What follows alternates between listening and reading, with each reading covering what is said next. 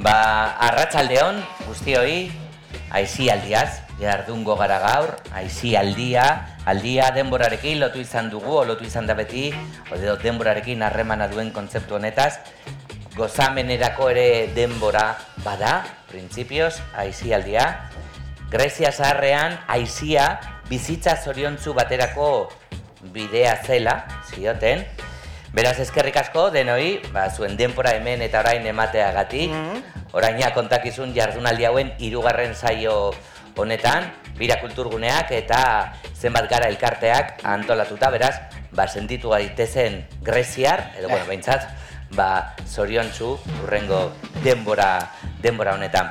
E, eta izialdiaz zehar duteko, ba, gaur gurera ekarri ditugu Madonna eta Tom Cruise, txalo bat.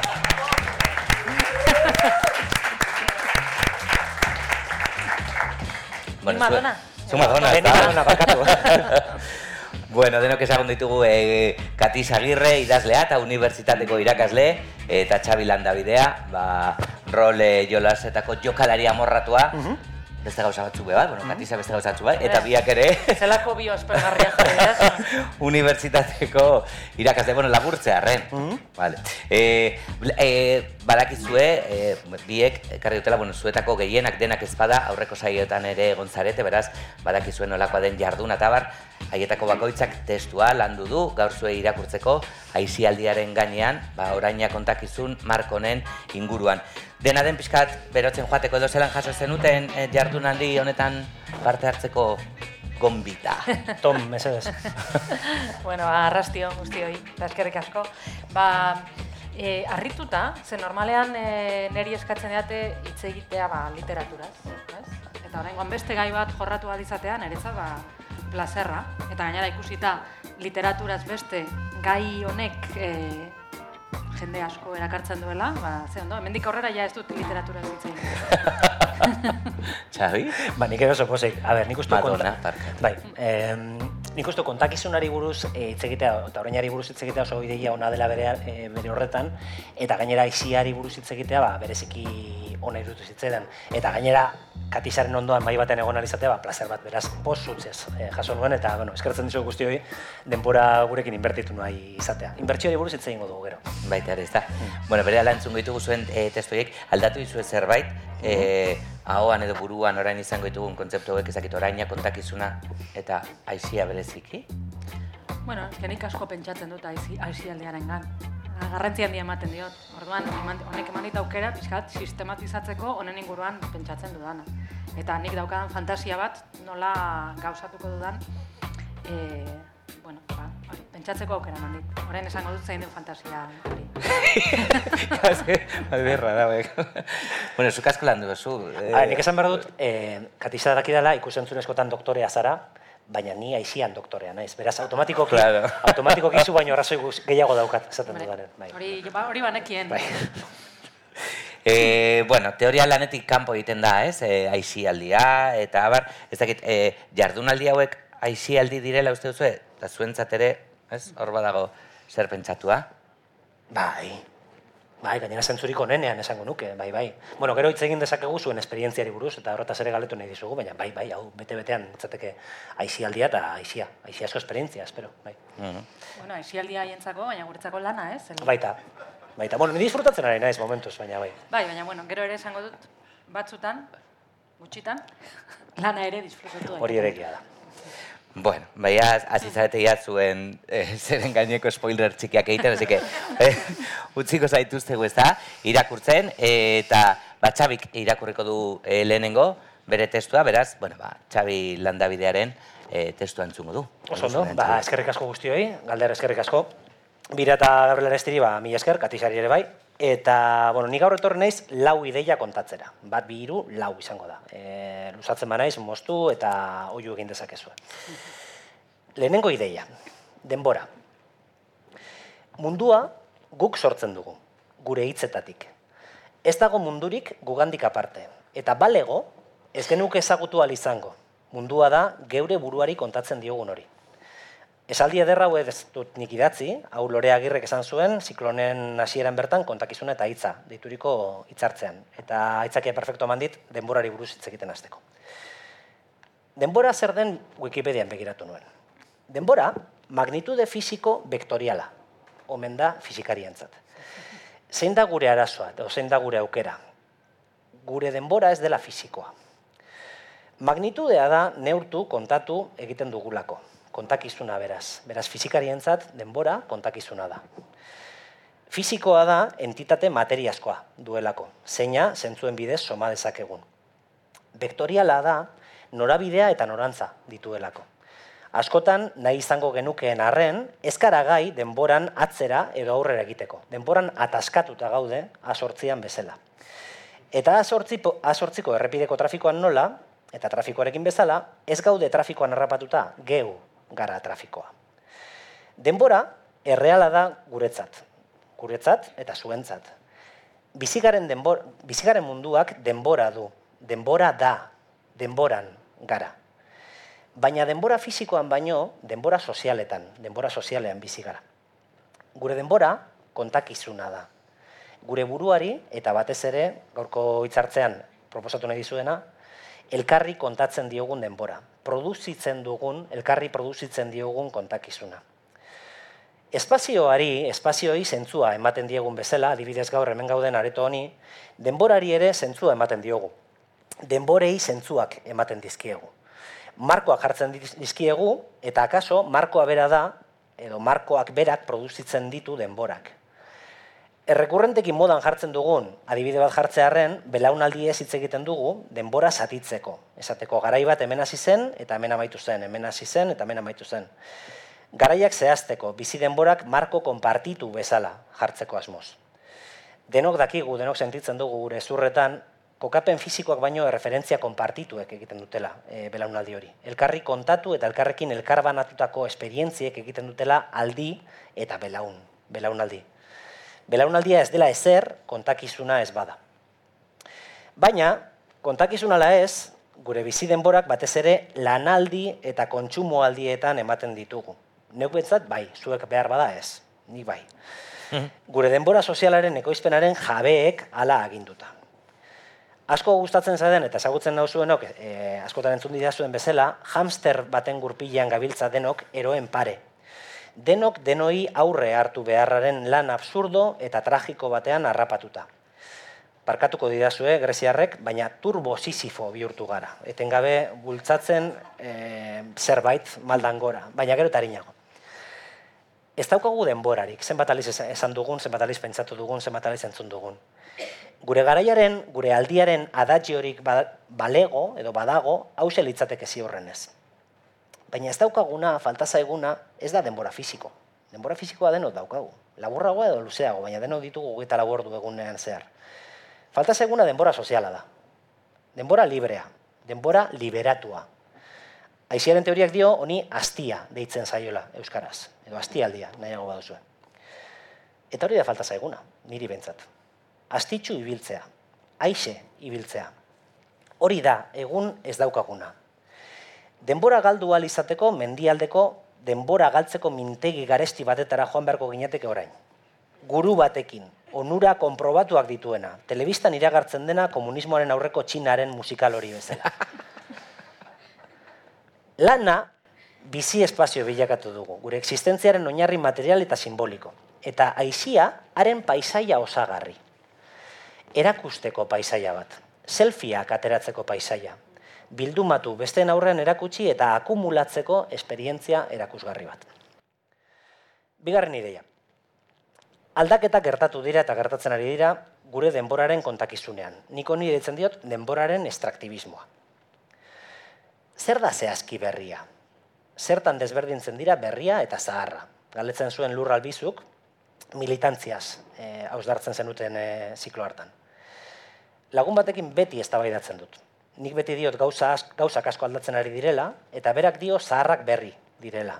Nil novum subsole, badakizue, ezer berririk ez eguzkipean, eta hori dena.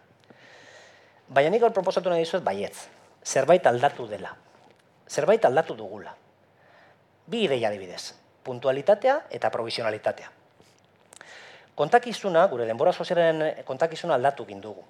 Ja ez da ohikoa jende talde batekin hemendik bi astetara zerbait egiteko leku eta ordu bat jarri eta berau berriro ez kuestionatzea. Inork ez du espero, ez dugu espero itzordua aldatu gabe mantentzerik. Hori igaron da. Orain, ohikoago zaigu data eta ordu hori etengabe kuestionatzea, edo behintzat kuestionatu ahal izatea. Lekua egin ahal izatea, esesperoan sortutako edo sortutako zera berri bati, badaz bada ere. Botere kuestio bihurtu da, nork kuestionatu dezakeen denboraren kontakizuna. Nork mantendu determinazioa eta indeterminazioa eta noiz arte. Nork aldatu eta nork gorde, gordetako denborak.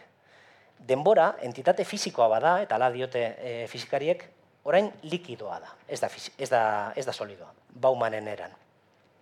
Eta likidotasunaz ari garela, gure denbora aprobetsatu, errentabilizatu nahian gabiltza obsesiboki.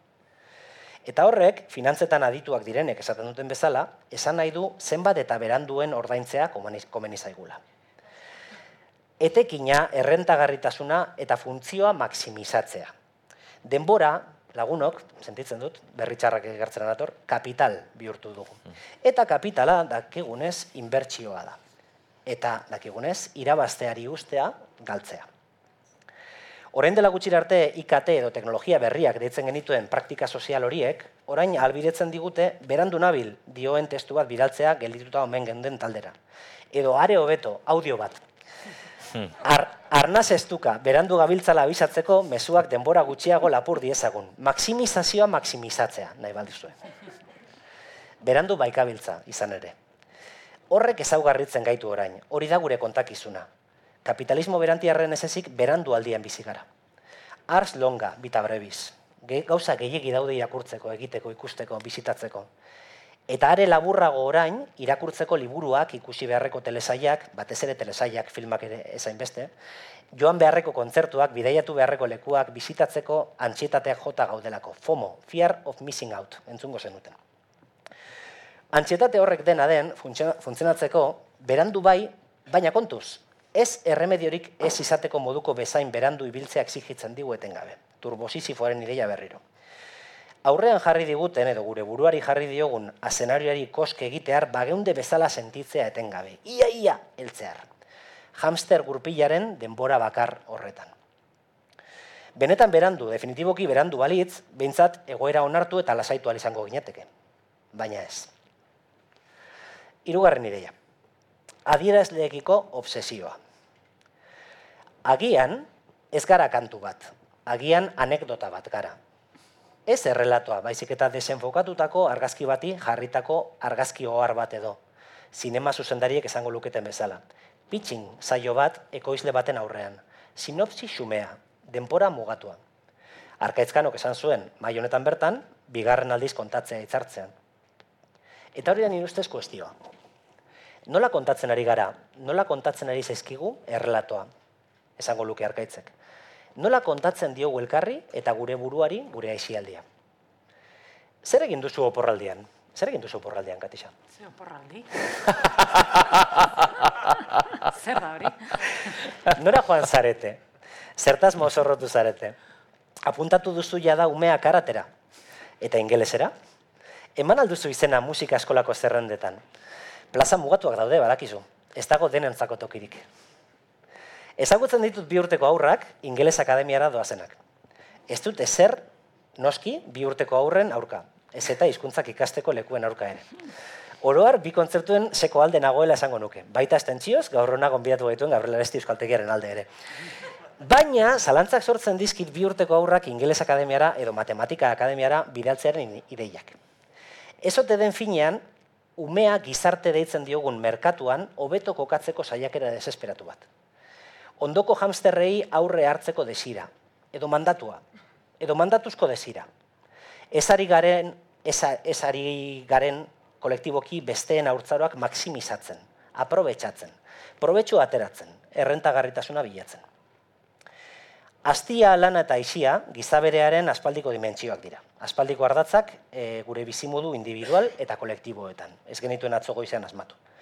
Baina nire ustez badago denok errekonozitu dezakegun joera indartsu bat gurean. Adierazleak, erakusleak, emaitzak produzitzearen beharra frente guzti hauetan. Lanean adibidez, Katisa eta Biok unibertsitatean lan egiten dugu, eta uste dut gure aragietan bizi izan dugula gerenteen botere hartzea eta adierazle, impactu eta astarna kontabilizagarrian hamster, hamster gurpil faraoniko berrien erekuntza garaikidea. Baina, eta hau da tragikoa, baita gure aizialdian ere. Ezote da helburu konpartitu bihurtu, ezote dugu helburu konpartitu bihurtu, gure aiziaren operazionalizazioa, gure aiziaren produktibitatearen erakusleak produzitu eta merkaturatzea gure truke balioa maksimizatzeko. Gure bizitzak gizarte ditzen diogun merkatu bidegabe eta absurdo honetan balioa, nolabaiteko balioa duela sentitzeko. Oporretara joan eta selfieak ateratzea sarean argitaratzeko. Liburu bat irakurtzea irakurdi duzula esan alizateko.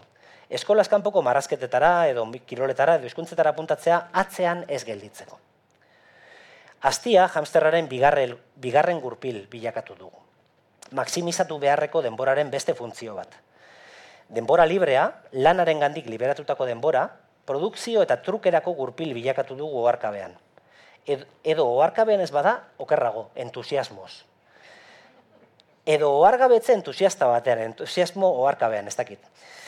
Denbora kapitalizatu, denbora maksimizatu, denbora errentagarrizatzearekin obsesionatu gara. Obsesionatu gaituzte, obsesionatzen ari gara elkar denbora galtzearen aukera jasan ezin bihurtu zaigun einean, denboraren astiaren aiziaren funtzio autotelikoa, bere horretan zentzua daukana, zentzu osoa galdu dugu. Gure astialdia kolonizatu digu merkatuak. Geu bihurtu gara aldi berean kolono eta lurralde. Laugarren ideia, eta maitzen noa. Zaintzaren beste kontakizun baten alde.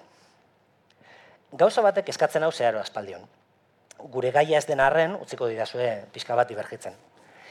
Tradizionalki aixia deitu diogun praktikez gain, militantzia eta zaintza lanak orain arte aipatu ditudan logika produktiboetan pentsatu eta sentitzea, sentitzen ari garela indartzeak eskatzen hau. Nolabait, merkatu bete beharren, trukearen eta balioaren maksimizazioaren mandatu triunfal Fukuyama horren oinetara aspiratzeak.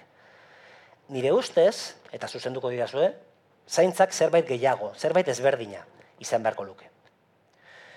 Greziarrek eta Erromatarrek aintzinako garaietan, tarte batean haien esklabutza sistema eraginkorrari esker, pertsonaren kultivazioan sinesten omen zuten. Otzium cum dignitate, esaten zuten Erromatarrek. Herritar eta hiritar libreak, benetan libreak, irakurtzeko eta eztabaidatzeko eta sortzeko eta gozatzeko eta bide berriak eta hobeak zabaltzeko askatasuna eta astia izango zuten herritarrak duintasuna duen aizia. Askatasuna eta astia izango duen ideia konpartitu baten alde. Aizia, giza askatasunaren artikulazio bezala ulertuta. Hau da, aizia, ez bakarrik zoriontasun, baizik eta giza duintasunaren aurre baldintza bezala ulertuta. Euskarak ere, uste dut zaintza pentsatzeko aukera interesanteak eskaintzen dizkigula. Lore zaina, liburu zaina, hartzaina, bale, ertzaina ere bai, baina goazen geratzera lore zainarekin. Zaintza lan bezala hartzen da, bai, ofizio bezala ere bai akaso. Baina badago kultivazioaren, babesaren, eskaintzaren eta apreziazioaren doinu bat ere gitzelkarketa hauetan. Zaintzeta, zainketa, apreziazio, estimazio konstiente eta autoteliko bezala hortuta. Helburua bere hortan daukana ez, kanpoko adirazle berririk produzitu behar ez duena bere burua justifikatzeko. Eta zentzu horretan, zaintzaren inguruko kontakizun berriek, ze, uste dut, baietz, behar ditugula zaintzaren inguruko kontakizun berriak, bai autozaintzarenak eta bai auzo zaintzarenak, aiziaren esparrutik pentsatu eta kontatu beharko genituzkela uste dut, ebintza zaiatu. Produktibismo suizida, baina triunfal, orokorronen beste garapen lerro alternatibo hobeago bat bezala.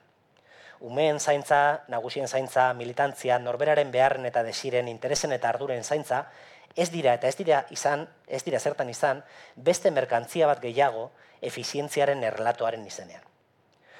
Jolasa, gizakiaren dimentsio ludiko eta sortzaia, kapitalismo berantiarraren logika kanibal, baina aspergarri, honetatik emantzipatu behar dugula uste dut.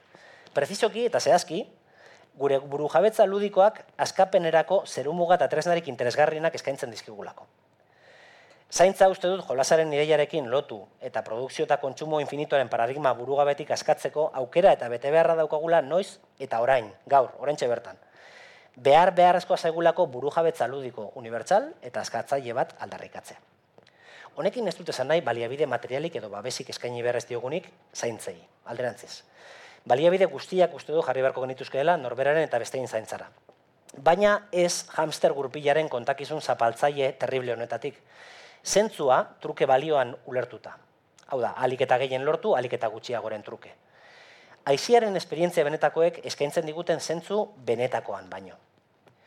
Gauzak elkarrekin egitea, aipatzen zuen Mariluz Estebanek mai honetan bertan.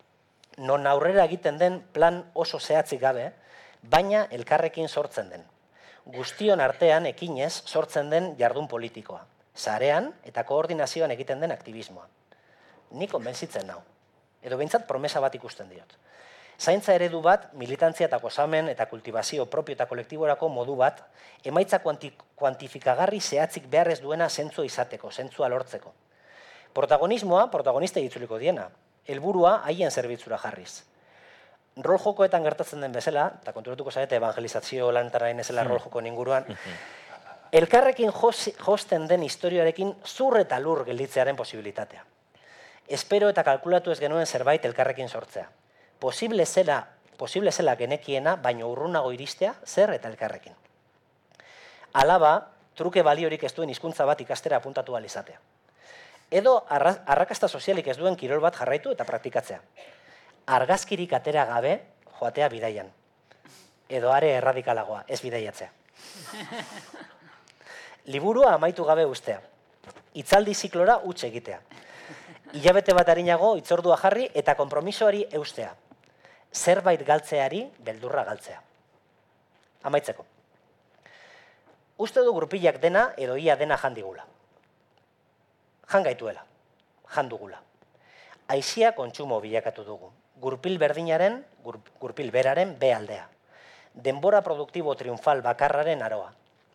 Denborarekin eta astiarekin obsesionatuta bizi gara, baina astiaren balioa ahaztu dugu.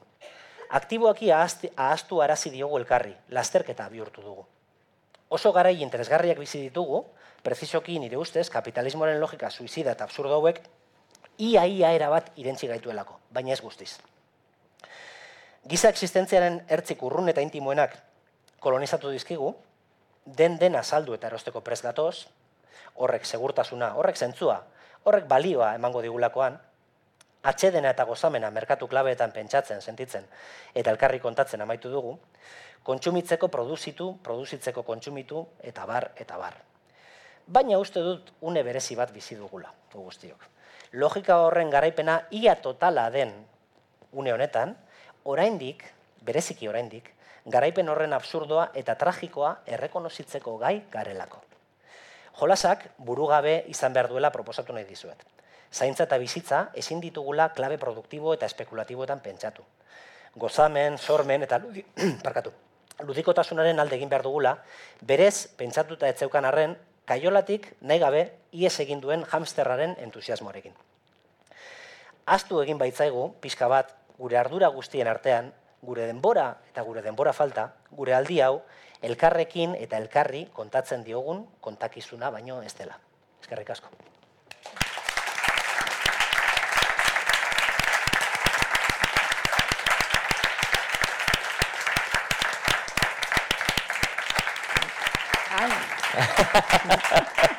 Haze txapa, barkatu. Ez, ez txapa, ez, baina gobio pixka bat bai.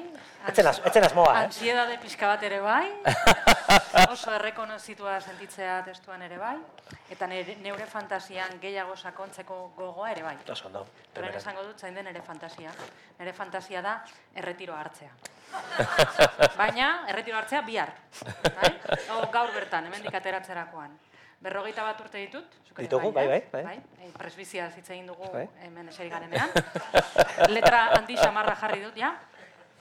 Baina, klaro, badakigu presbizia izateak ez dela ez duela esan nahi erretirorako adina dudanik, kontrakoa, ez? Erretirorako adinak geroz eta gehiago atzeratzen ari da, eta horrek egiten du neure fantasia, ba, erabat... Urruntzea, ez da. Zauroa, ez da? Erabat absurdoa. Baina la ere, nik neure barnean sentitzen dut, ba nahikoa lan egin dudala bizitzan tal. Nahikoa lan egin dut. Horrela sentitzen dut. Eta e, orain, aizialdi horretara dedikatu nahi dio dela nere bizitza. Hori da nere fantasia, bai? E, zaila daukat, noski, kontuan izan da gainera, lan handia egin dudan arren, ena izela aberastu. Eta beraz, e, hori, e, zaila daukat. Baina utzi, utziko diazue fantaseatzen pixka bat. Bai? Eta nahi baduzuen erekin fantaseatu dezakezue. Zeure erretiroan e, pentsatu. Bai? Bueno, erretiroa esaten zaio, baina esan dezakegu ere, aisi, bizitza, egunerokoa, aisialdiari dedikatu. Zer egingo genuke, ezta? Nola egingo genuke? Egia esan da ez da erreza. Ez da bat ere erreza, etzaigu erraz jartzen, txabiko ondo azaldu zergatik, ezta? Sistema krudela da. Are, pertsona oso dirudun noiek ere, jaio direnetik ezer ez egitera entrenatuak izan direnak, familia osoa daukatenak eredutzate hartzeko, eta beraz, bueno, hoiek ere arazoak dituzte, denbora librearekin. Bai? Zer egiten du Froilan batek bere denbora librearekin? Gisa joa. Ah, ez da? E, nik ez dut oso ikusten mutiko hori, ez? Ez du ezeronik egiten bere denbora librearekin. Aita, taitona, eta ziurrenik aurreko guztiak, borboi guztiak e, bezala, ez da? Zein da orduan aisialdiarekin dugun arazoa. Ez dut esango, da jauko kontzentrazio esparruaren sarreran, irakurri nuen bezala, lanak libre egiten gaituela. Arbeit, macht, frei. Bai? Nahi nuen zerbait esan nahi gane. pedate bat, pedate bat nahi zelako, estere gabe, ez? E, hori ez da egia, ez dut horrela pentsatzen, baina badu giza burbuinak edo izaerak behar izan bat, beti entretenituta egoteko. Nik ala sentitzen dut, behintzat. Gehienok, hemen gauden gehienok, ziurrenik, guztiok ez ezalteagatik, ba, Froilanen klase sozialekoak ez garenez, lana daukagu. Eta lanaren bitartez bi helburu betetzen ditugu. Entretenituta mantentzen gara, eta jaten ematen digu, bai? Hemen parentesi bat zabaldu behar dut, eta esan behar dut, ez dela egia lan guztiek entretenitzen, entretenitzen dutela. Bai? Zenik behar dut, esperientzia bat, 2002ko udan, Elkorte ingleseko supermerkatuan egon nintzen e, promozio lanak egiten, azafata moduan, e, kupoiak banatzen, jendeak eros ezan deskontu batekin Coca-Cola light limon eta olakoak, eta lan horrek, bueno, trauma. Osea, lan horrek eninduen entretenitu kontrara, e, utzi ninduen utxik bezala, nora ezean, oso txartu pasan nuen. Bueno, baina demagun, e, demagun baietz, lanak entretenitu egiten duela, ezta? Entretenitzen gaitu, baina paradogikoki lan egitea ez da kontu atsegina. Lagun batek beti dioen bezala, hain da txarra lan egitea, ezen dirua ematen diguten hori egiteko, ez? Pentsa ze txarra izan behar duen. Nik neu, eta gian zuk ere bai gauza bera esan dezakezu, esageratu gabe, lan privilegiatu bat daukat. Hori ala da. Ez, estandarretik gorago dago, privilegiotan, irakaslea naizelako unibertsitatean eta hala ere batzutan garaiaren arabera askotan oso pisutsua eta oso penagarria egiten zaite goizetan altxatzea eta lehioako kampusera iristea. Eske, zuek badaki zuen elakoa den lehioako kampusa. Hobetu da, eh? Azken urteetan, pinpon mai bat jarri dute. bai, egia da. Baina hala ere, horrela ere, tela. Azken finean, gustoko gauza bat, eta nik esan dezaket gustoko dela nere lana, baina gustoko gauza bat xantaiapean egin behar dugunean, ba erraz galtzen dugu gustoa eta erraz galtzen dugu zaletasuna. Eta bai, froelanen klase sozialekoak ez garenok, xantaiapean egiten dugu lan. Lan egiten dugu, horren truke, ematen duguten dirua behar dugulako. Jateko, semialabak mantentzeko, bizitzeko ezta? Ezin dugu aukeratu ez egin. Aukeratu dezakegu agian, sortea badugu, lan ez aldatzea, baina ezin dugu erabaki ez egin. Beraz, santaia da. Horretara behartuta gaude. Oso gustoko badugu ere, bai? Mhm. Beraz, lanaren inguruan daukaden ideia honekin, noski, oso ados nago, proposamenak daudenean, lan orduak murrizteko, e, lau egunetako e, astearen e, zera proposamen honen aldenago, edo hiru egunetako, eta muturrera eraman da lanaren abolizioaren alde ere egongo nintzateke, bai? alde. Bai, Baina kasu horretan, lanaren abolizioaren kasuan, gizaterearen parte eh, handi batek, edo gehienak, asiera, neure hasierako dilemarekin egingo luke topo. Ezta? Nik neure balizko erretiroarekin bezala. Zer egin orduan, aizialdiarekin. Nik baditut ideia batzuk, noski. Adibidez, hortu bat landatu dezaket. Bai? E, Eus- Euskal e, kostaldea oinez egin nahi dut. Hori da, aspalditik dudan e, beste fantasia bat, ez? Neure ukelelearekin agian ikusi nauzue saretan. ba, kantu bat konposatu, edo, bueno, jaket denbora guztia daukadan, disko oso bat konposatu dezaket, ezta? Goizero, gozari, veganoak prestatu. Zer gehiago, arkeologiaren oinarriak ikasi, asko interesatzen zaidan gauza bada. Marcel Proust irakurri, frantsesez. Ikusi duzue alemanez oso ondo aritzen naizela, baina oraingoan frantsesez. Denbora izango dut eta ikasteko. Eta bai, hori guztia saiatuko banu ere, akorderen bat orain, nire hortuko aguakate batekin gozaldu, bez noizean behin, badakit zertan emango nuken denbora gehiena. Eta hemen zintzoa izan behar dut neure buruarekin. Denbora gehiena emango nuke pantalla bati begira. Bai. Pantalla bati begira, bihurtu garelako errentagarrien. Eta hemen kointziditzen dugu hitz horretan, ezta? Errentagarritasuna. Nola kolonizatu gaituen hitz horrek, e, bulkada horrek, ezta? Eta pantalla bati lotuta egon gaitezen lortu dutelako. Pantalla bati be- begiratuko nioke nire hortuan nola landatu, ez? Aguakateak nola demontre ateratzen dira, jakiteko. Hori pantalla bat behar dut. Pantalla batek ere esango lidake akorde hori zehazki nola jo, ez? Igual akorderen bat bereziki zaila eta trukoren bat, eh? tutorial batean. Google Mapsen ere pasako nuke denbora pilo bat, Euskal Kostaldean zehar egingo nuken e, txango hori planeatzeko, pff, seguro orduak eta orduak Google Mapsen, ezta? Duolingorekin ikasiko nuke frantsesa, bueno, ari naiz. Ari naiz ikasten frantsesa ja. Bai? Azkenean Proust irakurri ahal izateko non eta e-book batean. Beste pantalla bat. Bai? Aurreko parrafoan hirugarren pertsonak konspiranoiko samar bat e, erabili dut, pantalla bati lotuta egon gaitezen lortu dute, esan dut, bai? Nortzuk lortu dute baina mamuek, grisesko gizonek, txertoetan grafenoa sartzen duten hoiek, bueno, ba, labur esan da, pantalla bat, pantalla baten bitartez aberasten diren hoiek, hoiek lortu dute, bai? Eta berriz esango dut, pantalla bati begira gaudenean gara errentagarrien. Batez ere, pantalla denbora hori guk aisialditzat daukagunean. Bai? Etzarete fijatu adibidez e, ze luzeak diren pelikulak azken boladan? Bai, ezta? Zine klasiko zaleak garenok nabaritu dugu aldea. Garai batean, ba, garai batean pelikula zoragarriak egiten ziren, larogei minututan, eta bi minututan, ja eta mar minututan ere bai. Bueno, pizka gehiago, Casablanca, egun bi minutu, sekulako pelikula, bai? Potenkin akorazatua, sovietar zinema, irurogeita maus minutu. Modern Times, Charles Chaplinek soinua lehenengo zerabili zuen pelikula hura, larogeita zazpi minutu. Hilda, pizka luzeagoa, baina egun tamar minutu. Singing in the Rain, zenbat gustatzen zaren pelikula hori. Egun iru minutu. Annie Hall edo Woody Allenen beste dozen pelikula, larogeita mar minutu inguruan. Psycho edo Hitchcocken beste dozen pelikula, larogeita amalau minutu. Bertigo da agian luzeena, bi ordu, bai? Komedia erromantiko klasiko bat duen Harvey Met Sally. Mm, Nora Ephron, bai? Larogeita masei minutu.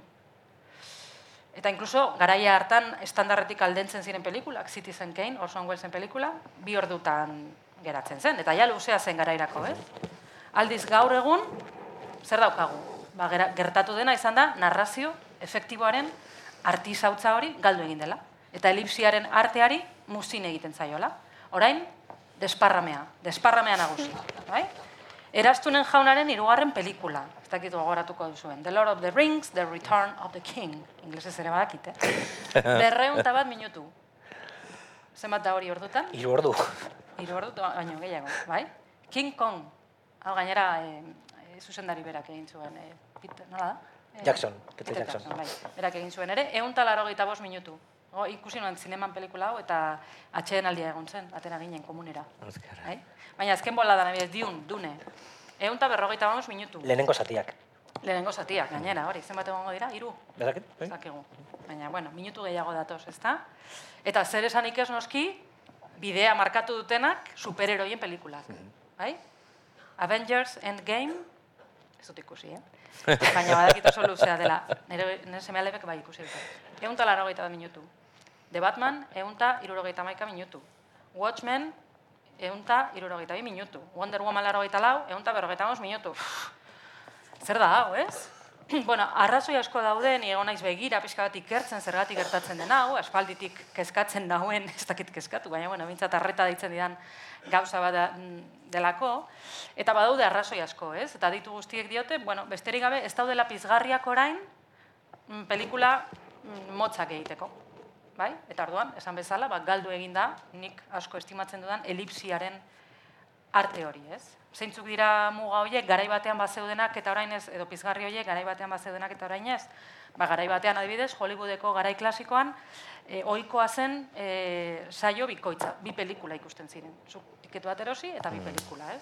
Eta orduan, claro, ezin ziren egin bi edo bi orduta erdiko pelikulak, ze ja, gehiagizkoa zen, beraz, laro minutuko bi, posible zen. Edo VHS-eren garaian, nire adinekoak e, zaretenok e, gogoratuko zuen bezala, bideokluben garaietan, VHS bera formatu moduan muga bat zeukan, bi ordukoa edo. Hori baino gehiago, ja beste zinta bat behar zen, zinta bikoitza, ez? Horrek eh, sortzen zituen arazoekin. Eta gaur egun, ja ez dago digitalizazioarekin, ez dago ja e, arazo hori, ez?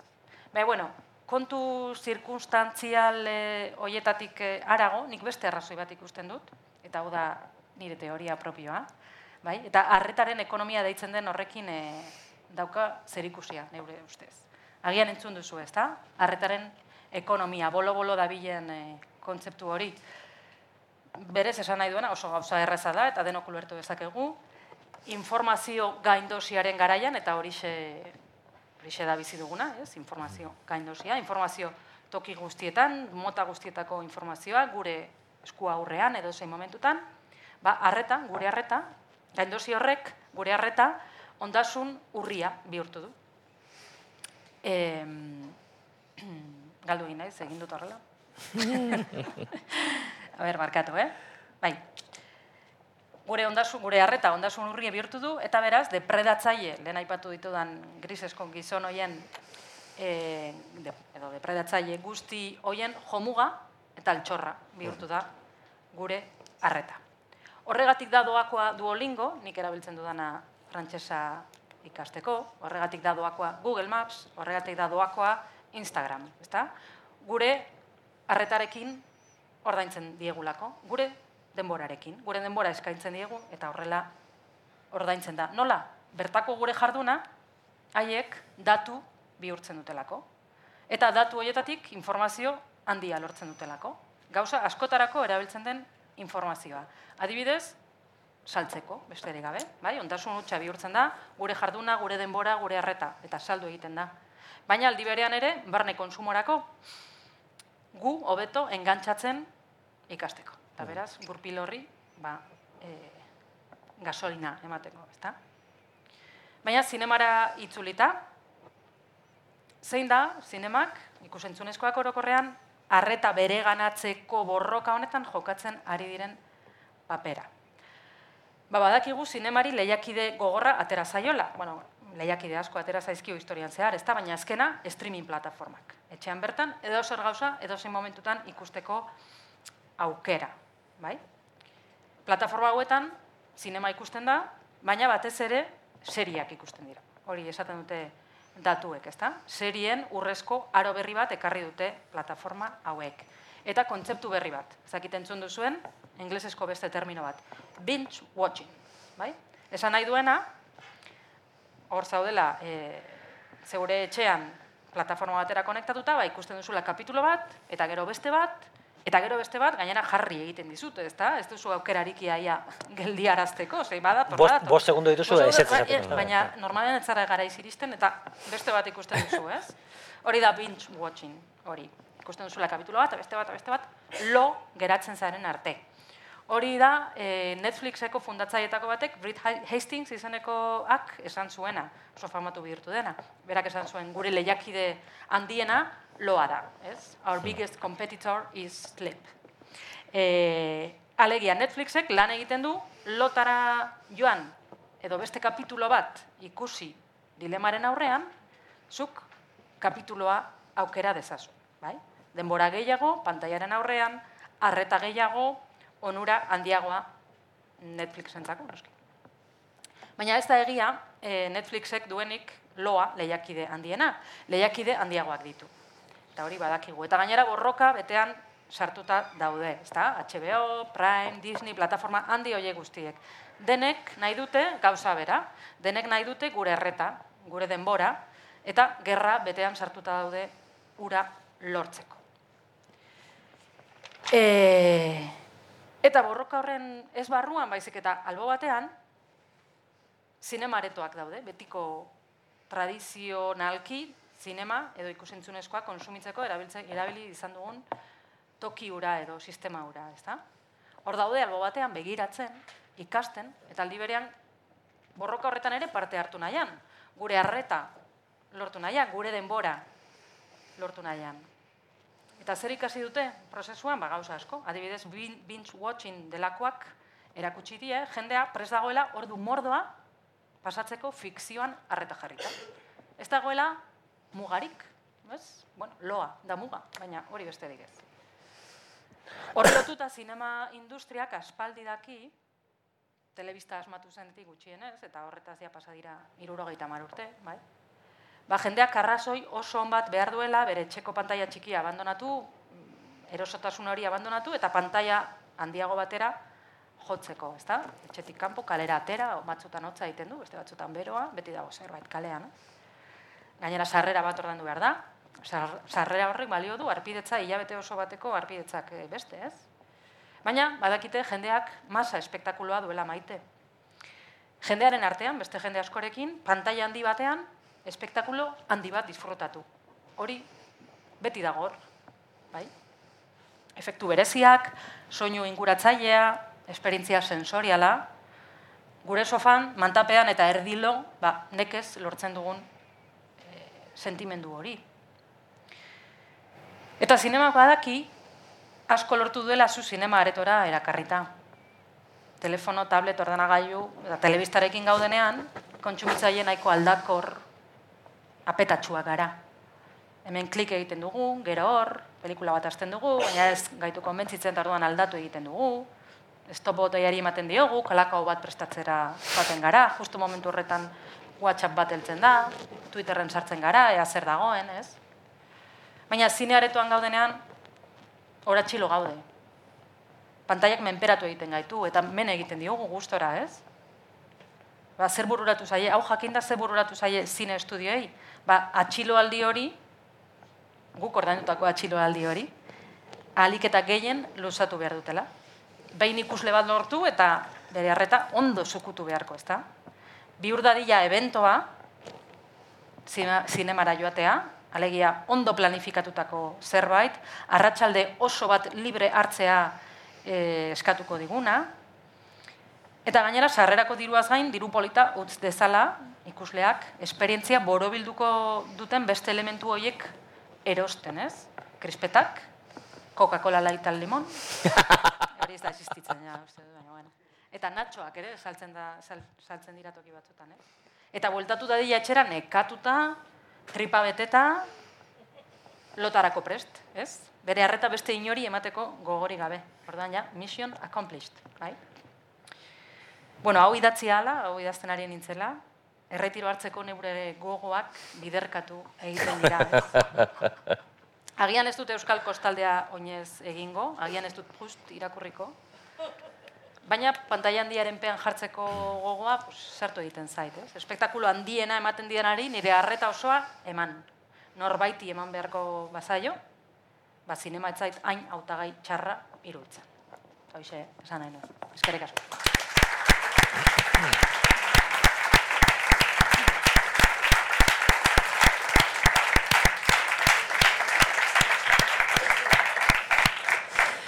Ba, eskerrik asko bioi, Katisa eta eta Xabi, oso derra izan da, zuek entzutea. E, bueno, badakizue parte hartzea irekita dagoela, eta edo nork berbain nahi badu eskualtzatzea besterik ez daukala, eta eta komentau edo galdetu. Komentau gure badabe, bai. Bai, mesedez, mesedez, bai, bai. E, zentzazio gerat zuek entzun data, eh? Zentzazio gerat, em, e, super ondo pasadugu, eta, bueno, nik bintzat, ustut, diende gehienak ondo pasadagoela, baina e, ez da oso zentzazio gozoa. Mm geratzen, ezta? Ari gara edo ari, ari- aritu zaete, ez, aizialdiaz eta abar ez da, berez hain gauza ederra izan behar luken zerbaiten gainean, bai hor itxaropen izpi batzu badaude, ez, bazaintzana eta holan ez dakiz da, erretiroa, gure batzu. Baina sentsazioa da hori, ez? Eh, ez da oso sentsazio gozoa geratzen zuek entzun, ez dakit dan holan planteatu nahi izan duzuela, ez? Asko denbora noski ez, denbora nola erosten diguten edo nola saltzen dugun, ez? Errentagarritasuna, kapitala ez, halako hitz superotzak ez, em, agertu dira hain, hain gauza berez, edo ustez ez, hain termino ederraren inguruan edo ez. Nik ez nuen eh, eskorra izan nahi. Osea, baina gauza batzuk gertatzen ari dira eta gertatu zaizkigu eta egiten ari gara. Ni, ni etxe azpiko, eh, ni justo ni etxe azpian loteria denda bat dago, eta kriston kolak egoten dira, izugarrizko iarak egoten dira. Eta niri oso sintomatiko iruditzen zait, nola loteria bihurtu den, nola baita, apur bat, gure, gure azken esperantza, ez da? Kate gurpilonetatik eskapatzeko eh, azken esperantza. Eta bai, arrazoi objektibo material oso realak daude, nahiz eta denok dakigun loteria etzaizula tokatuko, baina ulertzen dut, jente asko loteria da jokatzea, ze bada posibilitate, nahiz eta infimo bat, bada posibilitate real bat bizitza aldatzeko. Ni pixka bat eskatzen hau gehiago, e, bigarren kolonizazio momentuak, eta ez dut eskorra izan baina uste dut hori ben dagoela. Badut lagun bat, eta ni ere identifikatzen naiz pixka, honetan, pixka bat honetan, naiz eta agian ez naizen nahi muturrekoa, pelikula bat jartzen duenen etxean, ez zineman, horretaz ere hitz egingo dugu. Etxean jartzen duen pelikula bat, aldi berean mobil batean dago sare sozialetan, eta liburu bat irakurtzen. Wow. Ze horrela, hiru gauza batera egiten ditu eta orduan aprobetsatzen ari da denbora. Karo, ja, ja, osea, zu zinemaz eta esperientziaz badakizu, hori eh, ez.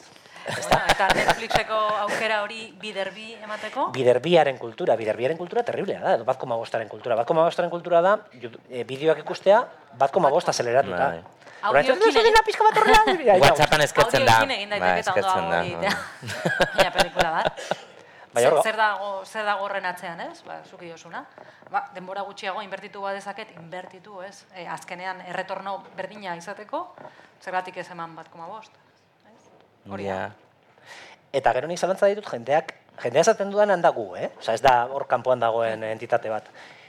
Ez dakit zineman atxilo gaudenean aguantatu dezakegun super importantea den WhatsApp hori irakurtzeko tentazioa. Nik gero eta pantalla gehiago ikusten ditut, eh, ur Bueno, argi urdin hori. Nik ikusten ditut umentzako pelikuletan. Gurasoak normalean daude Ez daude, daude beste nonbait. ez. telefonarekin daude. Baina bestela, nik pentsatu nahi dut... Eh, zetz Antzerkan pilo bat ikusten da, bai. eh? Ikusten da, ez da. Bai, Bai. bai, bai. Whatsappak erantzun eta, bai, bai. Claro, orduan nik uste dut kontua dela eta parkatu, ez dizuk gidoia apurtu nahi, eh? Eh, es que ba, ez, ez dau, gidoirik ez dau, eh? Vale, vale. Ez da- bueno, bueno, a ver, oza, badau, baina, bueno, oza, ez dau aldi berean. Ez, kontua da presentziaren kontua, ez da? Osa, nun gaude? Ze, karo, teknologiak eh, albidetzen, badit, albidetzen badigu, sortzi leku ezberdinetan egotea, sortzi talde diferenterekin, baina nun gaude, bihurtu gara mamu batzuk erdi gaudenak, erdi ez gaudenak, ni orain aguantatzen ari naiz, eh, ez dakit Twitterren sartu gabe, zuekin gaudela, baina publikoa dagoelako, bestela igual egongo nintzateke. Baina, jatzaudela Twitterren denok daki. Baina, baina, baina. Osa, nun gaude, ez? Ja. Ba, barkatu.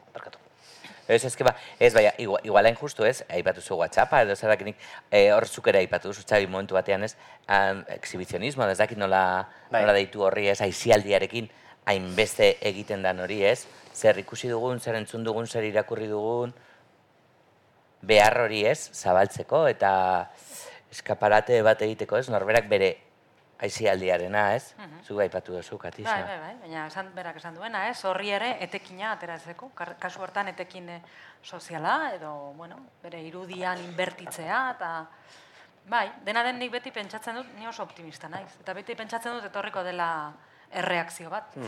Eta etorriko dela honi guztiari bizkarra ematea eta modan jarriko dela oporretan joatea telefonari gabe. Bai, bai. Garai baten egiten genuen. Bai, Gu gara azken generazioa bizagutu duguna hori egia da. Ez orduan, bueno, e, gu badakigu posible dela. Zaiatik ez evangelaz, Bai, bai. evangelizatu horrekin, ez? Bai, bai. Eta ea, ze gertatzen den. Nik uste du, bai, saturazio puntu bat iritsiko dela. E, gu sartu gara mundu honetan guztian digitalizazioaren e, munduan, pantailetan, e, internetak eskaintzen digun guztia, gauza asko zoragarriak direnak, ez? Eta sartu gara pentsatu gabe. Fua! Baina, orain pentsatzeko tenorean gaude, Bai. eta pentsatu hala, kontzientzia hartu hala, e, hortik ateratzeko moduak ere asmatuko ditugulakoan nago, hori pentsatu nahi dut. Ni oso ados nago zaten ari zarenarekin gainera uste dudalako gure okelan bizi dugula, ez? Gertatu zaiguna edo aldaketa hau, ezta? Orduan horrek ematen dizkigu aukerak esateko, eh, txaron, txaron, eh, zer egitera naiz nire buruarekin, ezta? Ba, Ni duela gutxi eduki nuen esperientzia bat hori, ninguen pelikula bat ikusten. Ikusi nahi nuen pelikula bat ikusten eta aldi berean e, mobilarekin ez dakiz zer, bera, bera, bera, bera, bera, bera, zertan ari zara, ezta? Osea, nun zaude zerekin nahi duzun, bai. Mhm. Eta irtenbide hori edo, egolik ezakit kolektiboan edo, ez? Biek ere aipatu duzu asko kolektiboa, ez berez, e, zineak badauka e, kolektibo, bueno, hau ere, nahiko itxarapentsua zen dut, e, oraingo jarduera oso kolektiboa da ere bebai, e, zinema bera ere, uste dut, hor badagoela ere, zure autuaren e, motibotako bat, zuk ere denbora soziala aipatu duzu, ez? Irtenbide edo hori edo, edo pantaietatik aldentze hori Bai, bai, bai. kolektiboa. Bai, bai dudarik gabe. Ze pantaiak ematen digu mm, sentsazioa norbaitekin gaudela, ez? Bai. Baina berak eh, Txabik esaten zuen bezala, non gaude benetan, ez? Non dago gure gorputza, ez? Tamen gorputza ere sartzen da, Mhm. kontu honetan, ja, gauza transhumanistetan sartu gabe, baina eh, bueno, digitalizazioak ematen digu fantasia edo fantasiatzeko aukera ez dugula gorputzik, ez? Eta adibidez egon gaitezkela bost tokitan aldi berean. Gorputz batekin hori ez da posible. Ez da posible. Mundu digitalean ematen du baietz, ez? Baina konturatu behar gara, ez ez, ez gaudela hor. Gure gorputza hemen dagoela, ez? Sufritzen eta plazerra jasotzen duena hemen dagoela. Bakarrik toki batean, momentu batean, ez dago besterik. Eta hori beti izango da horrela, ez? Orduan, kolektibo horretan, jendearekin egonda, bestea usaintzen, orduan konturatuko gara gorputza garela, eta gorputza toki batean dagoela, eta gainera, ez dela betiko, ez? Gorputza Bai. zahartuko da, gaixotuko da, eta hil egingo da. Orduan, denbora, ze importantea den, ez? Ez emateko, Bai, bai, bost plataforma, estatu batuetan e, egoitza duten, edo bat Errusian, bai. e, plataforma, osea, egoitza duten enpresa handi hoiei horrelako etekinak emateko, ez? Ba, eta gero, heltzen da momentu bat, non oparotasun, hiperoparotasun informazionalaren aro honetan, ze punturaino informazioa esote garen zarata bihurtzen, ez da? E, ikusi duzu, irakurri duzu, eta hori, biek izaren kultura honetan, hainbeste autobombardeatzen dugu burua, amaitzen dugu e, leher eginda, zekar honek kriston energia suposatzen digu, inoiz ez gara iritsiko dena irakurtzera, edo dena ikustera, edo kontzertu ezin dugu, Eta orduan, saiatzen, saiatze huts honekin ez, esari ote garen dena planatzen eta dena zarata zuri moduko bat, ezta? E, horako interferentzia bat sortzen, eta azkenean ez gaude esan ez hemen. Ni dena dela, e, katisarekin bat nator, nik uste dut e, esperantzarako mila aukera daudela. Nik uste dut hau gertatu zaigula, gertatzen ari zaigula, eta horrek aukerak ematen dizkigula, beste modu batzutan pentsatzeko, bueno, zer egin nahi dugun gure denborarekin, ezta? Mm. Zarata eta hori aipatzen duzula, ez? Ede, askotan ere aizialdia edo pentsatzen da, ez? E, mm, beharrezkoa dala ezertan ez pentsatzeko, entretenimenduare askotan erre, ere horrekin na, e, nahastu inda, edo e, ere galdetu leke, entretenimendua bera zer dan, txarra ote dan, ere, porque gauza peyoratibotzat hartzen da Bai, ere bai. askotan, ez? Entretenimenduzko zinema, musika, literatura, ez dakiz zer, ez? E, ez dakit zarata horrek hamsterraren entusiasmoa itzaltzen ote duen. Bueno, azkenean da droga baten modukoa, ez? Drogak batzutan ondo egon daitezke. Nago era bat ni oso zerbeza zalea naiz, eta droga da, ez? E, kontua da zergatik egiten dugun, ez? Bai. Drogak zergatik hartzen ditugu, benetan plazerra ematen digutelako, bizitza beste modu batean esperimentatzeko aukera ematen digutelako, beto sentitzen garelako, edo adikzioa dagoelako hor, ez? Hori ere, hori ere pentsatu daiteke. Edo, man, da edo telefonoa, mandatu eh? bat, E, batzutan ez dago Bai. adikziorik eta gure euskal gizartea bez alkoholikoa da. Eta gaizki ikusita dago ez edatea, terriblea da. Ba, Esplikazioak hon behar dituzu ez duzulako edaten, zer da hori. Ez da? Osa, probat hori, mandatu hori, ez da? Goiti bera datorna, ezuk edan behar duzu, e, zergatik, ez badut nahi, ez da? Bai. Bentsat galdera egin alizatea askatasunez, ez da? Edan nahi dut, ez dut edan nahi. Seriak ikusten dizutuen ere pizka martxianoa da, Erabat, ez? Gaur egun, ez? Bai, nik zentzu horretan, adibidez, nik asko respetatzen dut e, sinema txarra ikusten duen eta apresiatzen duen jendea. Osa, orokorrean, sinema oso txarraren alde hitz egiten dizun jendea, orokorrean oso jente, oso jente ona da. oso erreza da, pelikula honen alde egotea, baina pelikula txarren alde behar da. Ezta? Ordan, bueno, ba, nik uste dut gure interesemuak eh, azke, askatasunan handia izan dezakegula, gauza ez, bai, nik defendatzen dut, ez dakiz zer, ezta? Ba, ba, bai. Si, ni ziur nago, zu defendatzen dituzula gauza defenda ezinak alder. Nik? Ziur, ziur nago. Ba, zu- bai, bai. Bai. Bai, bai, nazen defendatzen, ai, hasiko. Eh, desparramearen asko gustatzen zait, bueno, oso gauza, oso gauza politak egon dira. Em, uste duzue em, gain baloratuta dagoela aizialdia? Bueno, bihurtu, bihurtu da ondasun bat. Bai. Bai. Baina bihurtu da ondasun bat, e, Txabik esaten zuen e, zentzuan, ez? Atera behar diogula aterramendua. Eta ikasi behar dugu frantsesa. Adibidez, gure denbora librean, eh? Mhm. Geni, behin eta berriz ari naiz. Hau aipatzen, baina egia da, nik duolingorekin daukaten gantxe bat, eta orduan, gainera, bueno, eh, haiek ematen dizkizute pizgarriak egunero egiten. badu. Erabiltzen duzuen? Duolingoz... Ah, ez, nik, nik ere erabiltzen da. Ba, pizgarriak daude egunero egiten baduzu, eh? Orduan batzutan dira, am- e, e, gauerdia da, bost minutu geratzen dira Bai. gauerdirako, Ha, zatu behar naiz. eta ja pijamarekin nagoean, eta oh, egin behar dut, eta... E, Claro, eta hori zer da, izia da, edo hori da beste Bai, bai, bai, pitzatuta bai, nagoena. duolingo oso eh, infantila da aldi berean, ez? Zaizut. Infantila. Ez, ez, ez, ez nire engantzatan, hau. Baina estetiko kita holan esan Bai. gure txut, ez? Bai, bueno, Simple bai, zialdia dela. Bai, ez? bai, eh, marrazkitxoak eta ez, Bai. ez? Ematen Bai, du ere hasi. pizkat infantilizatuta Bai. ere nola bai Bueno, bagaudela. ikas ezazu, entretenituta zauden bitartean, ez? Aizialdiaz mozorrotuta dator, rap guztiak bezala, rap guztiek nahi dute izan erakargarri eta polit eta koloretsuekin, eta, bueno, hori. Bai, hor dago korronte bat oso importantea, e, gamif gamifikazioarena, eta gamifikazioarena da azkenean, e, karo, jolasa, denek gustatzen zaigu jolastea, astu zaigu, baina denek gustatzen zaigu ikaragarri jolastea. Orduan, industria konturatu da horretaz, eta horrela sartzen dituzte e, pizgarri txikiak, oso ondo lotuta, psikometrikoki oso ondo neurtuta, engantzatzeko eta beti nahi izateko beste buelta bat, edo ranking batean nola kokatuta zauden. Karo, hori erabili daiteke gauz askotarako, erabili daiteke modu, e, zera ba, interesgarri batean, edo erabili daiteke bat denok engantzatuta egoteko, zer ez da, scroll, zer Bai. ditzen da, scroll of death, edo pasatzen duzunean, ez da, zenba denbora, Bai, horrela, bai. zerbait interesgarri aurkituko ote duzun, ez da? Bai. Bai, kontua da ematen duela gehiago erabiltzen ari dela ba, hori, ikuspuntu kapitalista, Bai. extraktibista horretatik, ez? Haiek, haiek dira vanguardia, Bai. baina atzetik datorrena beste zerbait izan daitekela. Zan duzu, on- ah, Bai, bai, bota. ba, ez, denok eh, jolastea gustatzen zaigula esan duzu antxe bertan, Xabi.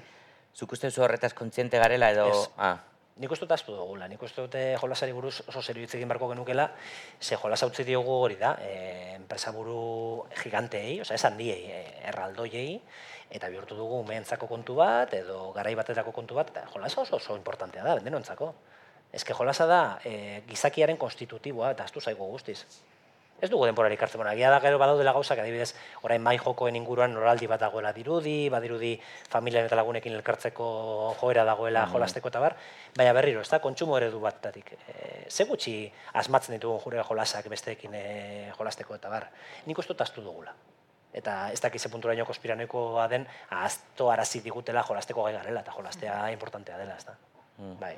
jolasarekin bat ere parte hartzea da, eta badirudi ez, aizialdiaren e, dinamika honetan edo parte hartzea oso gutxi dagoela eta gehiago, ez? Evidentzen dugula agente aktibo, ez? Izan barik, ez? Begira dena du isilik, Bai, bueno, e, komenta, eh, lasai asko.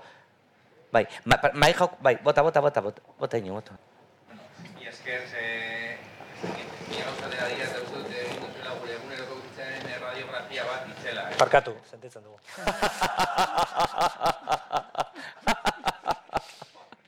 Tokian, ea, lana eta esoti diren zanponaren, eh, zanpon berdinen bi aldeak, deskribatu duzen moduan. Eta batetik edo aizialdia deskantzatzeko eta orduan lanera indartsuago bueltatzeko, orduan eh, errentagarritasun logika berdinaren barruan daude. Bai. edo katisak ipatu den, eh, ba, eta egun aipatzen den e, proletariado digital horren barruan, aizialdian ere gaude ba, e, datuak e, ekoizten, eta datuak e, lehen dira, ez? E, kapitalismo ditaren enpresek hori behar dituzte, behar dituzte, eta orduan gure aizialdia ere bihurtzen da lana. Beraz, nire fantasia izango zen nola pentsatu e, denbora bat, lana eta aizialdia ez dena. Ez dakit nola irudikatu daiteken. Pentsatzen nuen, e, ba, agian bai lana eta bai izialdia oso modu individualean e, ba, planteatu direla. e, lanak lehen bazeukan ikuspegi agian identitario bat, ez? Lanak ematen zigun parte bat komunidadearen parte ginen, eta joe, gaur egun lanaren ziurgabetasuna, lanaren prekaritatea, agian ba beste logika batean ematen gaitu, baina baina lanak badauka bai e, lotura bat e, identitarioa, ez? Eta aizialdiak agian lehen bai, jaietan, gaur egun dira espektakuluak, eventoak, ez dira jai egun horiek, ez, e, erritual gisa mm. daudenak, baizik eta Orduan, pentsatzen nengoen hori, ez? Ea, e, denboraren e, ikuspegi komunitarioa nola e, pentsatu, ze punturaino errentagarritasuna baldin badago jokoan ez gaude narrazioan baizik eta gaude adikzioan. Claro. Eta gaude narrazioa fantazia egu. Eta beste, hau, galderak izango ziren, e, ba, e, hori, zabiretzako, ea, ez zer ez egitea subversio haute den, planteatu duzu moduan, eta katizaren retiroa, ea, individual egi edo kolektibo egi nola, nola planteatu, planteatu hori. Eskerrik asko galderagatik. Nik badaukat proposamen radikal, a ber, hau provokazio bat da, baina, denok ezagutzen ditugu irakurle klubak, hemen badagoa era, e, irakurle klubak antolatzen dituen baten bat edo bat gehiago, entzun edo ezagutu ditut ikusle klubak, ikustearen inguruan eta e, jentea gipuzko aldean, azpeiti aldean juntatu zela, eta inkluso aurrekoan, e, okerrez banago e, atxuri hauzoan egin zuten entzule, entzule klubat, e, zera, e, ez dugu gogoratuko diskoa, eneko gogoratuko du, akauzazteren e, disko bat mm. elkarrekin entzuteko. Proposamena, irugarren denbora bat ere ikitzeko, aspertze klubak, Juntatuko gara elkarrekin eta espertuko gara hemen bi orduz. A ber, subertsiboa da, erabat. E, aspertzea da momentu honetan ez, e, debe, debeku bat, iaia, iaia tabu bat. E, ezin dugu aspertu. Egon gara, e, zuk esan duzu hasieratik, ezta? Entretenituta egon behar dugu. Gauza baten, edo bestean, aldala produzitzen, edo bestela kontsumitzen, edo biak batera, ezta? Aspertzeko, ba, ematen dugu baimena gure buruari. Ematen dugu baimena alkarreri gure seme alabei, nik ustut, gaur egun iaia debeku bat bihurtu dela. Ez dut benetan pentsatzen aspertze klubak montatu behar ditugunek, eh? Baina kaso hortik, ez dakit. Bai, badago, ez, ez dut gogoratzen izena, baina badago artista bat, e, performantzak egiten dituenak eta eskandinaviarra da, baina ez dut gogoratuko bere izena, inolaz ere. E, egin zuena esperimentu bat, edo, esperimentu sozial bat, eta izan zen enpresa batean sartu lanera, etzen benetan lanean sartu, ja hitz egin da zeukan enpresakoekin, sartu zen olako bulego handi bat, jende pilo batekin, bakoitza bere ordenagailuan eta bar, eta bera sartu zen ezerrez egitera. E, baina ezerrez, esertzen zen bai baten, eta... Ez zuen ez da tekleatzen. Ez, zen horrela. Edo joaten zen igo gaiura, eta egoten zen igo gaiuaren aurrean horrela, eta jendeak pasatzen zen, be? Opa, opa. Eta eh, langile guztiak, soratu egin ziren. Claro. Azkenean, ez? Claro. Eta denak hasi ziren galdetzen, baina un hor da, baina zeari da, iaia errebolta bat egon zen. E, claro, se kriston ezin egona sortzen bai. dizu horrek, claro. Bai, claro, jartzen zaitu ispilu baten aurrean oso arraroa dena, oso deformatua dena, ez? Zer da, ez, ez zerrez egitea. Eta ez zerrez egitea gainera lantoki batean. Deno gaude zerbait egitea. Baina gainera ez, ez modu sotil batean, baizik eta modu esplizito batean. Bai, bai, nago ni zure, egiten. Zure aurpegiaren eh, aurrean, ez? Eta zure aurpegia, aurpegira botatzen zuari, zu egiten ari zaren hori, igual besteak egiten duena, bezain inutila, inutila dena, ez? Oso ondo dago, dago, olako bideo batean kontatuta dago, ea topatzen duzuen, barkatu, irreferentzia hain txarto mateagatik, orain bururatu zait. Baina, bueno, esan nahi nuen, ez dakit zure galderarekin erantzun da, baina bururatu zait, esaten zenuenean posible ote den, pentsatzea, lana, izialdia, mm, mm, zera, binomio horretatik, ez, arago, ba, e, oso zaila dela uste dut, ze bakarrik topatu ditut e, ejemploak, e, fikzio post-apokaliptikoetan. Mm Bai? Horain justo bi fikzio post-apokaliptikoari naiz jarraitzen, eta bat da The Last of Us, bueno, justo amaitu da orain, azken e, kapitula. Onjo, onjo iburuz dela entzun dut, bai. bai. bueno, son, bai, bai. dira azkenean, bai, bai. eta gizartea amaitu da ezagutzen dugun bezala, eta beste bat da mm, Station 11, deitzen den beste bat. Oso, bai e, eta bietan, bueno, The Last of ez asko, baina kapitulo batean bai, erakusten dute gizarte komunitario kolektibo bat, hori erritxo batean bildu direnak, ez? Eta Station Elevenen ere bai, hola antzerki talde bat eratu dute, gizateria amaitu, Shakespeare bai. antzesteko gizateria amaitu eta hogei urtera, ez? Geratu diren, bueno, bizira duten gutxi hoiek, ez? Eta hor bai ikusten dela, beste zerbait eraiki dutela zerotik, ala beharrez, ez? Ez delako gizartea amaitu, amaitu delako, ez? Orduan, bueno, claro, jateko eta zerbait egin behar dute, tarteka, baina ez dago antolatuta sortzi, sortzi, sortzi eskemaren eh, barruan, ez? Sortzi ordu lan egin, sortzi ordu aizialdia edo, eta sortzi ordu e, lotarako, baizik eta, bueno, pues egunean ikusten dute zer behar izan dagoen, ez da gauza bera negua izatea edo uda izatea, eta gero aizialdia komunean egiten da ere, Mhm. bai? Bai, antzerkia e, Station Eleven horretan, edo The Last of Usen kapitulo horretan, e, zinema daukatela ikusten da, eta biltzen dira, eta pelikulak ikusten dituzte, ez? Orduan, bueno, opolita da, baina aldi berean esaten dut, hau bakarrik mm, postapokaliptikoki pentsatu dezakegu, ezin dugu e, hau pentsatu, imaginatu apokalipsi bat gabe, ez? Gizateriaren euneko laro eta emeretzia akabatu barik, ba, hori, hori da erronka, ez da? Edo nork sortu dezake e, kolektibo bat postapokalipsi batean, ez? Baina gaur egun nola egin hori, ez? Karo, gaur hemen orain zerotik astea, gatz, deko bai bai. Baina aldi berean, badaude gure e, burbuia postapokaliptikoak. Aspaldi hartu duzu egaldi, egaldi bat? E, hartu duzu abioi bat, aspaldi? Ba. Mark Hausek e, teorizatzen zuen ez lekuen inguruan. Dira lekuak berdin direnak hemen, edo Dublinen, edo, edo, edo Burkina Fason berdinek dira. Oso interesgarria da, zu behartuta baldin bazaude, atxilo baldin bazaude itxarotera, demagun bi, hiru, lau, sei, sortzi ordu, aeroportu batean, zer da eskaintzen dizutena? Kontsumitu? Ez zaitu- ez zaigu inoz okurritu, bueno, guazen denbora hau erabaki- erabiltzera, ez dakit zerbait eh, elkarrekin sortzera ber, aber ze gertatzen den, ez, ez, ez, ez, ez, ez.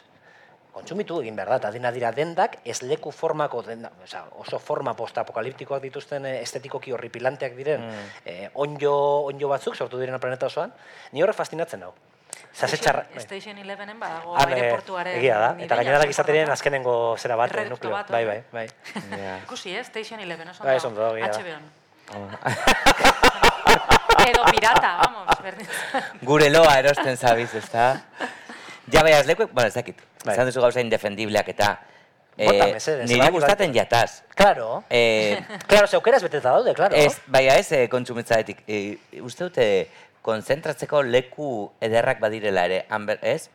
Ka, baina berriro hori bakarrik baldin basauz eta holan, ez? Ez dakit, bueno. E, ze, segi, eh, besteak, bai, bai, bai, bai. Begira, aipatzea, resuelbiak irakaslea zari, bale? Neube bai, baino ez unibertsitatean baizik eta debea. Hau da, amabitik, amazortzi urterarte. Eta dikotomia hori planteatzen duzuena lana eta isialdian nik planteatuko nuke ikas, ikasteko beharra, barkatu, beharra, eta isialdia, bebai nahazten ari da. Bai. Eh, gertatzen ari dena, bueno, ez da tragedia hitza edo, zezuek aipatu zu adibidez drogarena. Ba, egiten ari garena, da, umeak drogatu, umeak drogatuta daude, ja da, etortzen dira drogatuta eta gu beste dosia eh, ematen diego egunero, eta eta hortik ja oso denbora laburrean, nik esango ez da postapokaliptikoa eta eh, eh, ez dakit erantzun ez ego planteatu duzun galderari nire erantzun zeu, ez, ez, ezin da ezer planteatu apokaliptikotik at. Mhm. Hau da, e, zera, e, aipatu duzun seriea, hortik e, abiatzen gara, edo ez dago. E, e, ikusi behar da, hori gertatzen ari dena, ni planteatzen ari naiz gertatzean, Bai.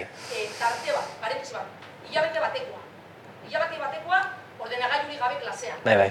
Eta bueltatzea, e, ia ber, eta guztiz ezinezkoa da. Ezinezkoa da. Nik ez dakit zelan bueltatuko edo ze e, e, frame, ze marko berria edo, baina orain dagoena, ez dakit beste irakaslerik dagoen gelan, e, wow. Bai, bai. Zer egiten, zer egiten dugu orain. Guztiz, guztiz ados nago, Natalia. A ber, nik planteatu nahiko nukena da horrek egiten duela interesgarri momentu hau. Ze posible balitz, ni, ni, ni, ni nirengo pertsona hitz da, eh? Mobilik gabe astebete pasatzea iraultzaia da niretzat. Ze aldatzen du dena, nire bizitzan, nire planteamentua, nire, nire ritmoak dena aldatuko luke. Hain gaude harrapatuta momentu honetan, ustea, ustea, e, tarte batez droga ustea, iraultzaile izan daitekeela. Izan daiteke. Ados esan duzun guztiarekin, eta gainera eskoletan gertatzen ari dena, batez ere txikiekin gertatzen ari dena, da niretzako adibide bat, lehen esan dudana, nola tragatu ditugun hainbat gauza, pentsatzera jarriko garenean, oraindik ez, baina jarriko garenean, bueno, zu jarri zara, baina orokorrean jendea ez da jarri, esan dugu duna, baina ze, ze, ze ridikuloa, ez? Ze necesidade dauka, amar urteko ume Bai. batek, eskolan pantalla gehiago edukitzeko. Oraindik eskuz txarto idazten duenean, ez? Zuko ezala. Ez que lehen kontatu diot maiuskulas idazten dudala, ni letra xea oso txarra dela. Bai oso letra polita dekozu. Maiuskulas bai. No. asko praktikatu dut.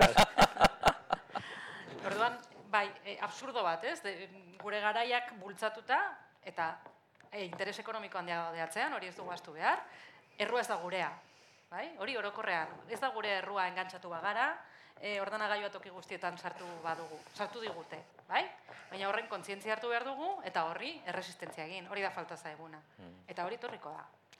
Nik uste, haietz. Ez dakit hor eh, hola nik uste den, baina irakaskuntzan nik daramat hause gainere hogeita hamabi garren urtea, hau da, agin bat, eta esperientzia bat, eta jubilazio edo erretiro hori bai fantasia. Ba, oraindik hamar urte edo, eta zer gertatzen ari da gure eh, aktibo, ez, oza, gu irakasle pertsono, humano, hori gu existitzen garen, baina inolako autoritaterik ja ez daukagu, invisibleak bihurtu garen, claro, zelan kompetituko. Claro. Ni, neu, aragi, triste, hau, haien estimulu, guzti horiekin, hau da, e, e, bihurtu gara, e, e, Di-. Bai, distrakzio bat. Bai. Vida, hau da, esperientziak ikasten, bueno, bidaiatzen edo ez dakit edo, e, ba, zera, hor, e, guztiz, e, zera, mm, inolako gizaki invisiblea e, izateko, ez da, osea, ja dignitate, irakasle hon dignitatea batik, mesedez, hilabete bat. Bai, bai. Bai. Mm. Ba, eta gero bai, gainera badaude tentazio pedagogiko batzuk esateko, bueno, egin behar duzuna da, eh, saio esan dadia dinamikoa, estimulantea, eta orain bihurtzen zara, giza TikTok bat, ez da? Baina, eske ezin duzu, ezin duzu kompetitu? Ezin duzu? Interneten kontra zein gozu, zebez? Nik proposatzen dudan irtenbide bakarra da kont- ko- kontzientzia hartzea gure, gure, gure momentuaren tragiko eta, eta absurdoaz. Eta esatea, begira, ba, bi, az, da, bihar, e, asteazkena erabaki dut mobili gabe bizitza, ber zer gertatzen den. Boa, gertatuko zezkizu mila, gauza, abentura bat izango da. Bai, ez, ez dut uste kontziente garenik? Ez dakit, Vale. ez dakit. Zuzu, zuzu, zuzu.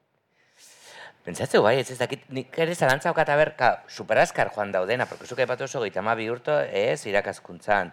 Osea, gutako hemen gauden asko, gehienak esan baina, pantalla barik jaio gine, osea, tele, ikusi genuen telebista etxean Telebista bat zegoen, bat, bai.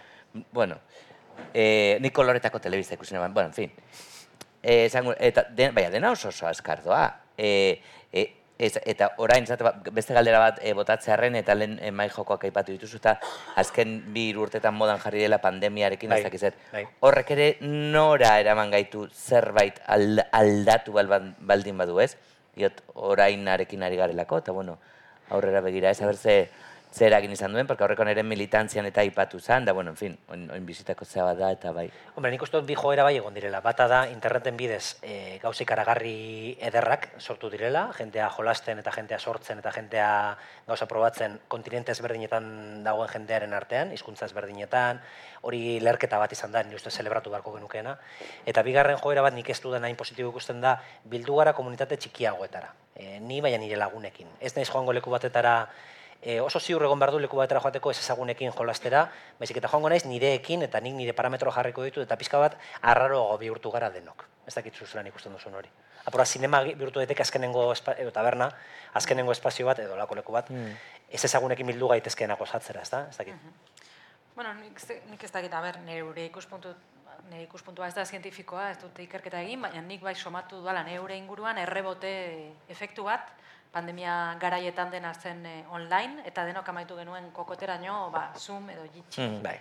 e, bilera horiekin edo online egiten ziren hitzaldiak edo kontzertuak eta hori, ez? Eta egon zela halako rebote bat, ez nik joan egin nahi dut, nik bertan egon nahi dut, baina egonda ere kontrakoa sentitu duena, eh? Nik badauka lagun bat esan zuena deskubritu dut, bai, deskubritu dut etxetik egin dezakedala dena eta nila enoa bide barrietara Ja. hitzaldiak entzutera. Eratzen naiz etxean, online ematen dute zuzenean eta orduan bi bi hoiek, eh, bueno, antzera antzera Bai. sentitu duzun bezala, bai. Bai. Mm. Badaukazu beste, beste zerbait edo komentatzeko? Biak, ja, izten, izten joateko edo besteik ez badago, biak ere sortzaileak zaret, ez da, bakoitzan zeuen, zeuen alorrean, ba, literaturan, eta eta jokoen munduan, rolaren munduan, eta honek ere disiplina asko dituela, baina, bueno, a, zorkuntza ere, zorkuntza eta isialdiaren arteko zaitarremana edo, nola ikuste duzu pizkat bihurria ere e, bihurtu daiteke eta zakit helburua izan behar duen sormenak, ala ez, baina bai bai askotan hor e, gurutzatzen dala ez, bata bestearekin, da, ja, zakit lehen entretenimendua, eta barez. Bai, askotan atrapatuta sentitzen zara paradigma edo gurpil horretan, ez? Eta sortu egin behar duzu, edo denbora hori inbertitu behar duzu errentagarri suertatzeko, erretorno bat e, edukitzeko, baina nik beste batzutan idazten dut justo guzti horri bizkarra emanez, ez? Adibidez, denbora pilo bat emanez, egun oso bat, bi egun, bi lerro idazteko, ez? Hori, hori importante da, eh? Pantaiaren Eta- aurrean? Edo? Bueno, ordenagailuan idazten dudalako, bai? Baina internetak enduta. Orduan, ni hor bai sentitzen dudala, agian toki bakarra, hor e, trintxera, ez? Hor, horri guztiari bizkarra emateko gauza naiz. E, Eman ditut biegu, bueno, eske sormena ere askotan horrela da, ez? Egon zaitezke aste bete ezer egiten ez duzula ematen duela, eta e, urrengo astean, bapatean, Ja. dena dator, eh? Orduan denbora horiek ere errespetatu errespetatu behar dira. Horrela behar du. Horregatik dago hain txarto pagatuta sorkuntza lana orokorrean, Claro. osoan, ez? Bakarrik kontatzen delako, benetan sortzen ari zaren Bai, bai. momentua, baina ze gertatzen da paseatzen zauden Claro. momentu horre, horrekin, ez? Paseatzea ere sormen prozesuaren parte da. Mm. Eserita egotea baino askoz produktiboagoa. Loa ere izaleke. Bai. Bai, bai, hombre, Bai. loa, Bai. ametsak, Bai. bai. egotea, Bai, bai, bai. Bai.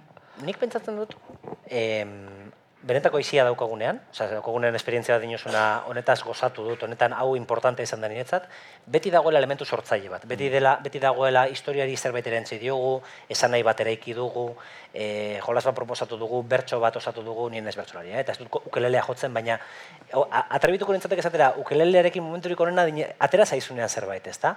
Ez jendeak txalo egingo dizulako do, diskografikak pila bat diru ordainduko dizulako, baizik eta, ei, hau nik sortu dut, ezta?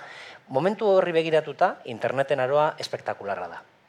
Atrapatuta gaude sortziko e, trafiko atasko ikaragarri monstruoso batean, baina begiratzen duzunean kotxe barruetan jentea zertan ari den, jentea gauza ikaragarriak egiten ari da. Eta hori ospatzekoa da. Nire ustez. Ondo, ondo, horrela maitzea, eh? Bai, ez da? Super ederra da. bai, bai, Bai, vale. Eh. bueno, batxalo bat eskatuko diogu, eh? Batxalo bat emango diogu.